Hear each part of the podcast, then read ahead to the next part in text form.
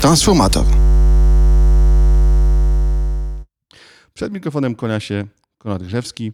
Zapraszam do wysłuchania kolejnego odcinka Transformatora. Dzisiaj zajmiemy się pytaniem, jak bardzo samochody o napędzie bateryjnym przyczyniają się do zmniejszenia emisji gazów cieplarnianych w transporcie. Ale najpierw krótki przegląd najciekawszych informacji z kraju i ze świata. Spółka Orlen zapowiedziała uruchomienie dwóch stacji tankowania wodoru. Jedna z nich powstanie w Poznaniu, druga w Katowicach. Obie będą wyposażone w dystrybutory dla autobusów i dla samochodów osobowych. W przypadku autobusów będą wykorzystywane instalacje o ciśnieniu 350 barów. Taka instalacja umożliwi zatankowanie około 28 kg wodoru w ciągu 15 minut, a to wystarcza na około 400 km. Natomiast jeżeli chodzi o samochody osobowe, to instalacja będzie miała ciśnienie 700 barów i to wystarczy, żeby zatankować do pełna, czyli mniej więcej 5 kg wodoru w ciągu 5 minut. Czy wodór jest optymalnym rozwiązaniem? No, to jest bardzo dyskusyjne i wrócimy do tego, omawiając wyniki analizy właśnie wpływu różnych rodzajów napędów na emisję gazów cieplarnianych i na oszczędność energetyczną w transporcie drogowym.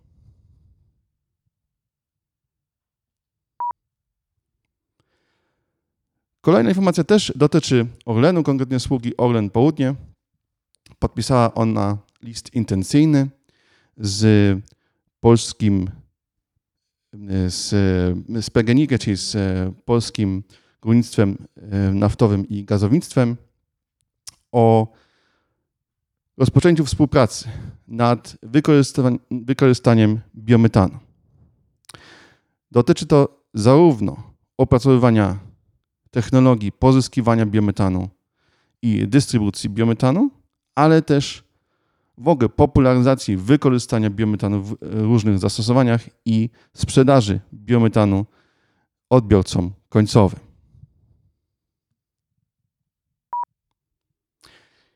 Hiszpanie już w maju zdecydowali się na duże zmiany, jeżeli chodzi o ograniczenia maksymalnej prędkości poruszania się na drogach publicznych.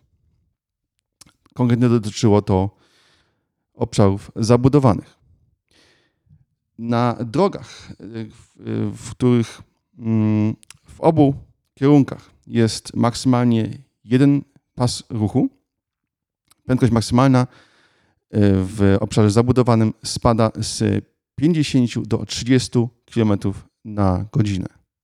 Do tego, jeżeli jest to droga jednokierunkowa, albo jeżeli jest to obszar współdzielony między pieszych i y, zmotoryzowanych, to prędkość maksymalna jest jeszcze niższa i y, jest ograniczona do 20 km na godzinę. Jeżeli chodzi o drogi szersze, to tutaj prędkość maksymalna spada z 80 y, do 50 km na godzinę.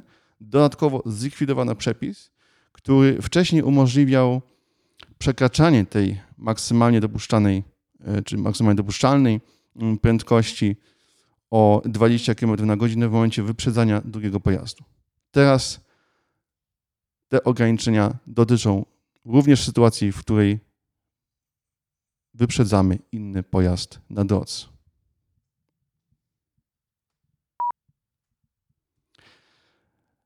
Przemysław Czarnek który jest e, od e, stosunkowo niedawna mm, ministrem edukacji i nauki, dodajmy ministrem budzącym dość dużo kontrowersji. Najwyraźniej zna się też na reaktorach jądrowych, ponieważ podpisał z kierownikiem Narodowego Centrum Badań Jądrowych w Świerku umowę o dofinansowaniu budowy nowego reaktora badawczego reaktora wysokotemperaturowego opartego na japońskiej technologii kwotą 60 milionów złotych. Są to prace przygotowawcze, koncepcyjne. Sama budowa będzie oczywiście jeszcze droższa. E, reaktor będzie miał moc 30 MW. Jest to około 7,5 promila łącznej mocy polskich, e, polskich elektrowni, więc jak widać nie chodzi tutaj o dekarbonizację naszej energetyki, a o rozwój pewnych kompetencji, kompetencji, które e, według pana e, Michała Kurtyki, ministra klimatu i środowiska, stawiają nas w czołówce wyścigu technologicznego na świecie. Chociaż trochę się obawiam, czy my na tej, na tej, w tym wyścigu technologicznym raczej nie jedziemy pod prąd, ponieważ e, na przykład kierownik mm, tego Narodowego Centrum Badań Jądrowych wspominał o tym, że takie reaktory mogłyby później, oczywiście w większej skali, zostać wykorzystane do produkcji na przykład wodoru, ale jest to dość e, kuriozalny pomysł, ponieważ odnawialne źródła energii generalnie powinny służyć do tego, żeby nas e, uniezależniać od importu nośników energii, a nie uzależniać od importu uranu e, z Rosji. Więc e, tutaj myślę, że zarówno od strony technologicznej, jak i klimatycznej czy geopolitycznej taka koncepcja raczej nie zasługuje na poparcie, a przynajmniej jest dość, e, dość no, niekonwencjonalna.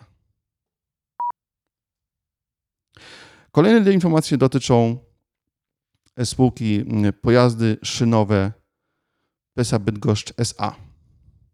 PESA przedstawiła swoje, e, swoją sytuację e, finansową, swoje sprawozdania finansowe za lata 2019 i 2020 oraz przedstawiła plany rozwojowe swojej produkcji na następne kilka lat. Sytuacja PESY uległa znacznej poprawie.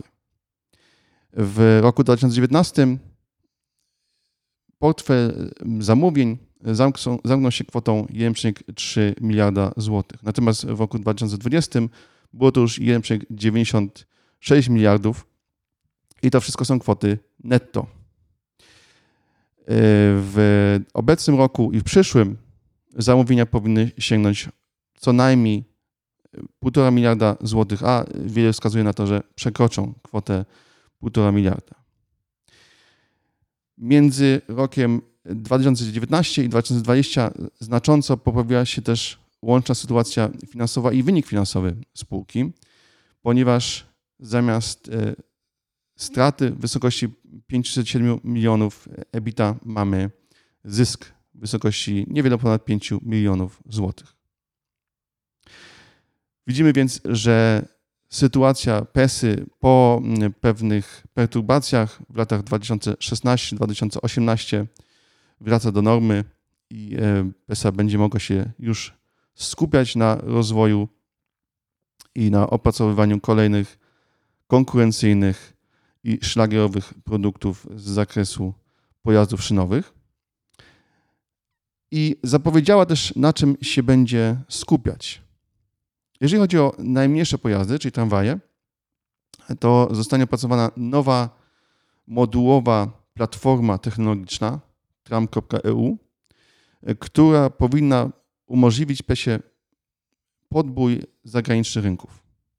Oczywiście pojazdy PESy są już, e, są już dostępne i są już e, reprezentowane. E, zresztą cieszą się bardzo dobrą opinią wśród pasażerów na rynkach zagranicznych, ale chodzi tutaj o to, żeby to, to nasze przedstawicielstwo, czy to naszą obecność na rynkach zagranicznych zdecydowanie rozbudować. Jeżeli chodzi o ruch regionalny, y, to y, powstanie nowa platforma Regio 160 i tutaj też będzie oferowana szeroka gama rozwiązań, w zależności od tego, czego będą domagać się, czy czego będą oczekiwać zamawiający. Mogą to być pojazdy albo w pełni elektryczne, elektryczne z dodatkowym zasilaniem bateryjnym, albo elektryczne z dodatkowym zasilaniem wodorowym. Zresztą już za kilka tygodni PESA na y, co do wielkości targach pojazdów kolejowych Traco zaprezentuje pierwszy w pełni wodorowy polski pojazd, a mianowicie lokomotywę manewrową zasilaną ogniwami wodorowymi.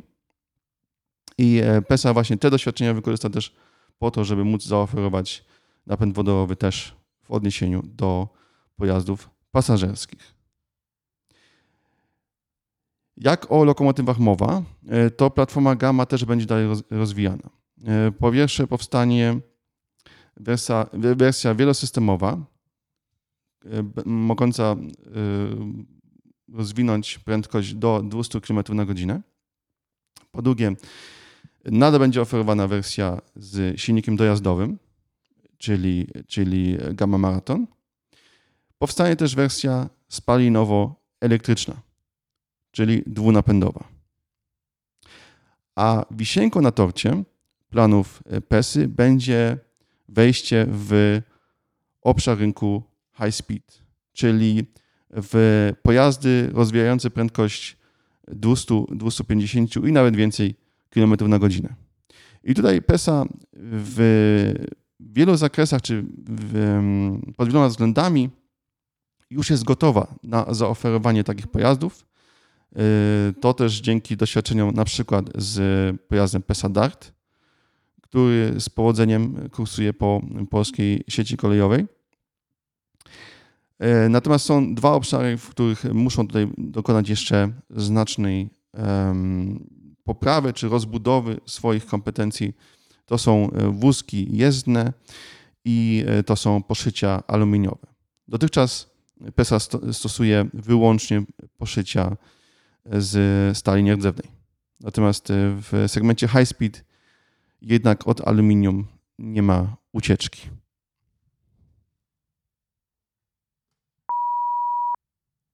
Tyle jeżeli chodzi o informacje w skrócie. Wróćmy więc do samochodów elektrycznych zasilanych bateriami. International Council on Clean Transportation to jest e, taka organizacja e, pozarządowa z USA. Przedstawił bardzo interesującą analizę. Analizę biorącą pod uwagę pełen cykl funkcjonowania czy istnienia samochodu.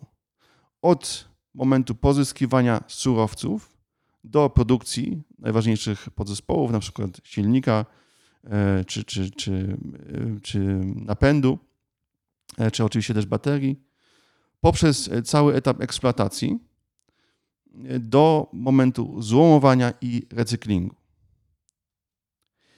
I ten cykl życia został przeanalizowany dla samochodów z najróżniejszymi rodzajami napędu z napędem spalinowym, zarówno y, diesla, jak i benzynowym, z napędem na gaz ziemny, z, napędem hybrydowym, z napędem wykorzystującym wodór i energię elektryczną.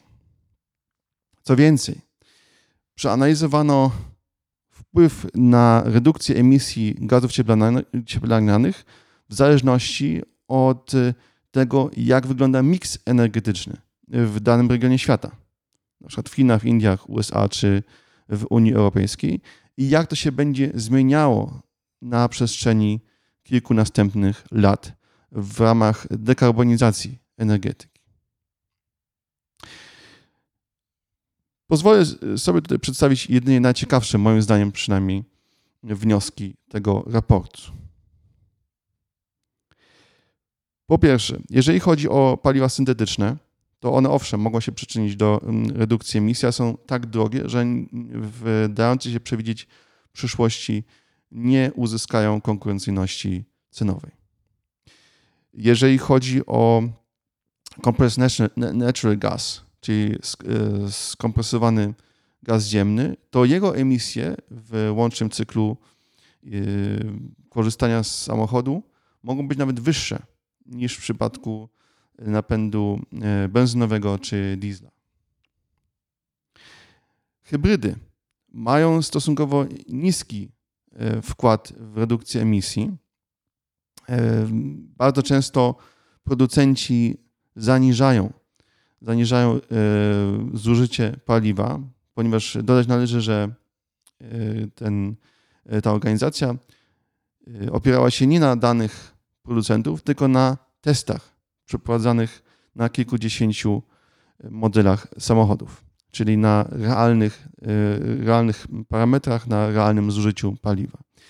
I dlatego hybrydy uzyskują średnio redukcję od 20 do 20 kilku procent, jeżeli chodzi o gazy e, cieplarniane, a dotyczy to oczywiście nie tylko dwutlenku węgla, ale na przykład też metanu. Niewiele lepiej sytuacja wygląda w przypadku wodoru, o ile ten wodór jest pozyskiwany z gazu ziemnego. A ponad 90% używanego obecnie na świecie wodoru niestety jest pozyskiwana z gazu ziemnego. Wtedy e, oszczędność też waha się na poziomie około 26, może 27% względem silnika benzynowego czy diesla. Ale najważniejsze pytanie, albo pytanie, które postawiłem na, na samym początku odcinka. Przepraszam, czy E, czy produkcja baterii i e, obecne jednak trudności z recyklingiem tej baterii e, mają wpływ na samochody bateryjne? Jak bardzo samochody bateryjne są przy obecnym miksie energetycznym w stanie zmniejszyć, zmniejszyć wpływ transportu drogowego na klimat? Więc wyniki są bardzo obiecujące. Po pierwsze, z roku na rok dokonuje się bardzo duży postęp w tej dziedzinie i to zarówno jeżeli chodzi o recykling, jak i, jeżeli, jak i jak również jeżeli chodzi o sposób produkcji tych baterii. Zresztą, jeżeli Państwo słuchali jeden z poprzednich odcinków, to Państwo może pamiętają, że e, baterie sodowe prędzej czy później zastąpią baterie litowe, e, a są one dużo bardziej ekologiczne. Też dlatego, że nie potrzebują ani kobaltu, ani miedzi, yy, ani, ani litu, a to sprawia, że, że na przykład obciążenie klimatu czy obciążenie środowiska naturalnego związane z wydobyciem surowców potrzebnych do produkcji tych baterii sodowych jest dużo mniejsze. Jak to więc wygląda przy obecnym miksie energetycznym w Unii Europejskiej?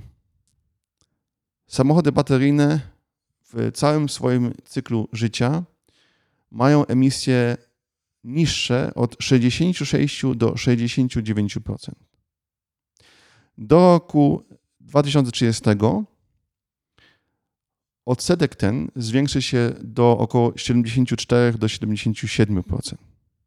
Natomiast gdyby całość energii E, która jest wykorzystywana w tych bateriach która jest wykorzystywana przez te samochody, pochodziłaby od e, źródeł, czy ze źródeł odnawialnych, to względem samochodów z silnikiem spalinowym łączne emisje zmniejszyłyby się o 81%.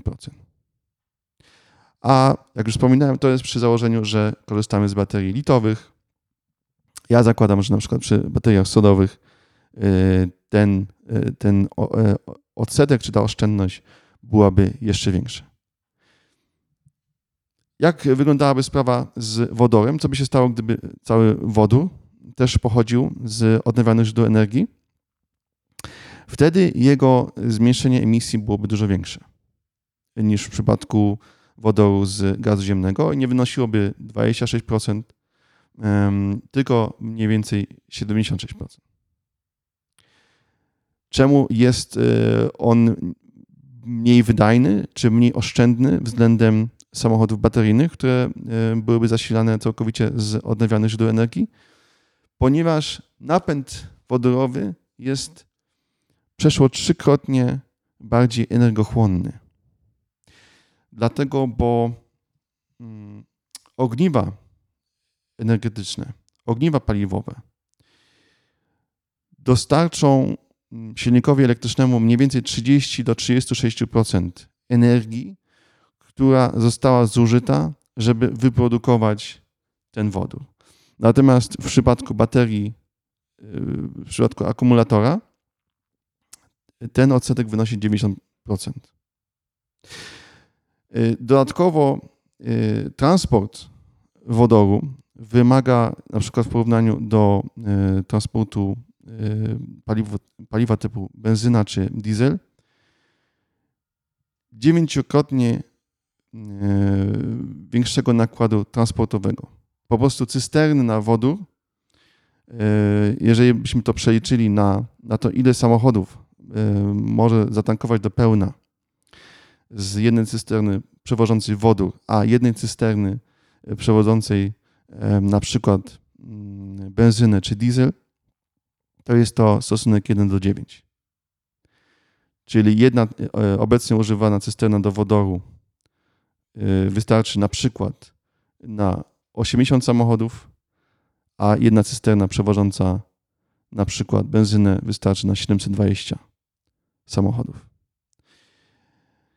Więc po prostu e, napęd wodorowy jest dużo bardziej energochłonny, mniej więcej trzykrotnie albo nawet więcej niż trzykrotnie bardziej energochłonny od napędu czysto bateryjnego.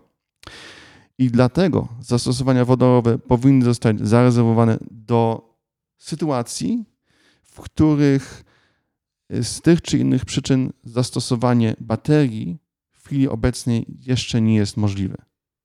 Na przykład, jeżeli musimy dostarczyć wyjątkowo dużo energii, na przykład, jeżeli musimy zagwarantować bardzo długi zasięg na jednym tankowaniu, rzędu, rzędu kilku tysięcy kilometrów, e, na przykład, jeżeli bateria byłaby zbyt ciężka dla danego pojazdu, na przykład statku, albo jeżeli ładowanie baterii trwałoby zbyt długo. Pamiętajmy jednak o tym, że postępy w technologiach bateryjnych są dużo szybsze i możliwości optymalizacji są dużo większe niż w przypadku technologii wodorowych. Dlatego wodór jest ważnym elementem przyszłego miksu energetycznego, ale przynajmniej w transporcie lądowym raczej nie będzie dominującym, dominującym nośnikiem energii. Tym nośnikiem energii będą po prostu baterie. Oczywiście zachęcam do komentowania. Z przyjemnością poznam Państwa zdanie na ten temat. A na dzisiaj dziękuję za uwagę.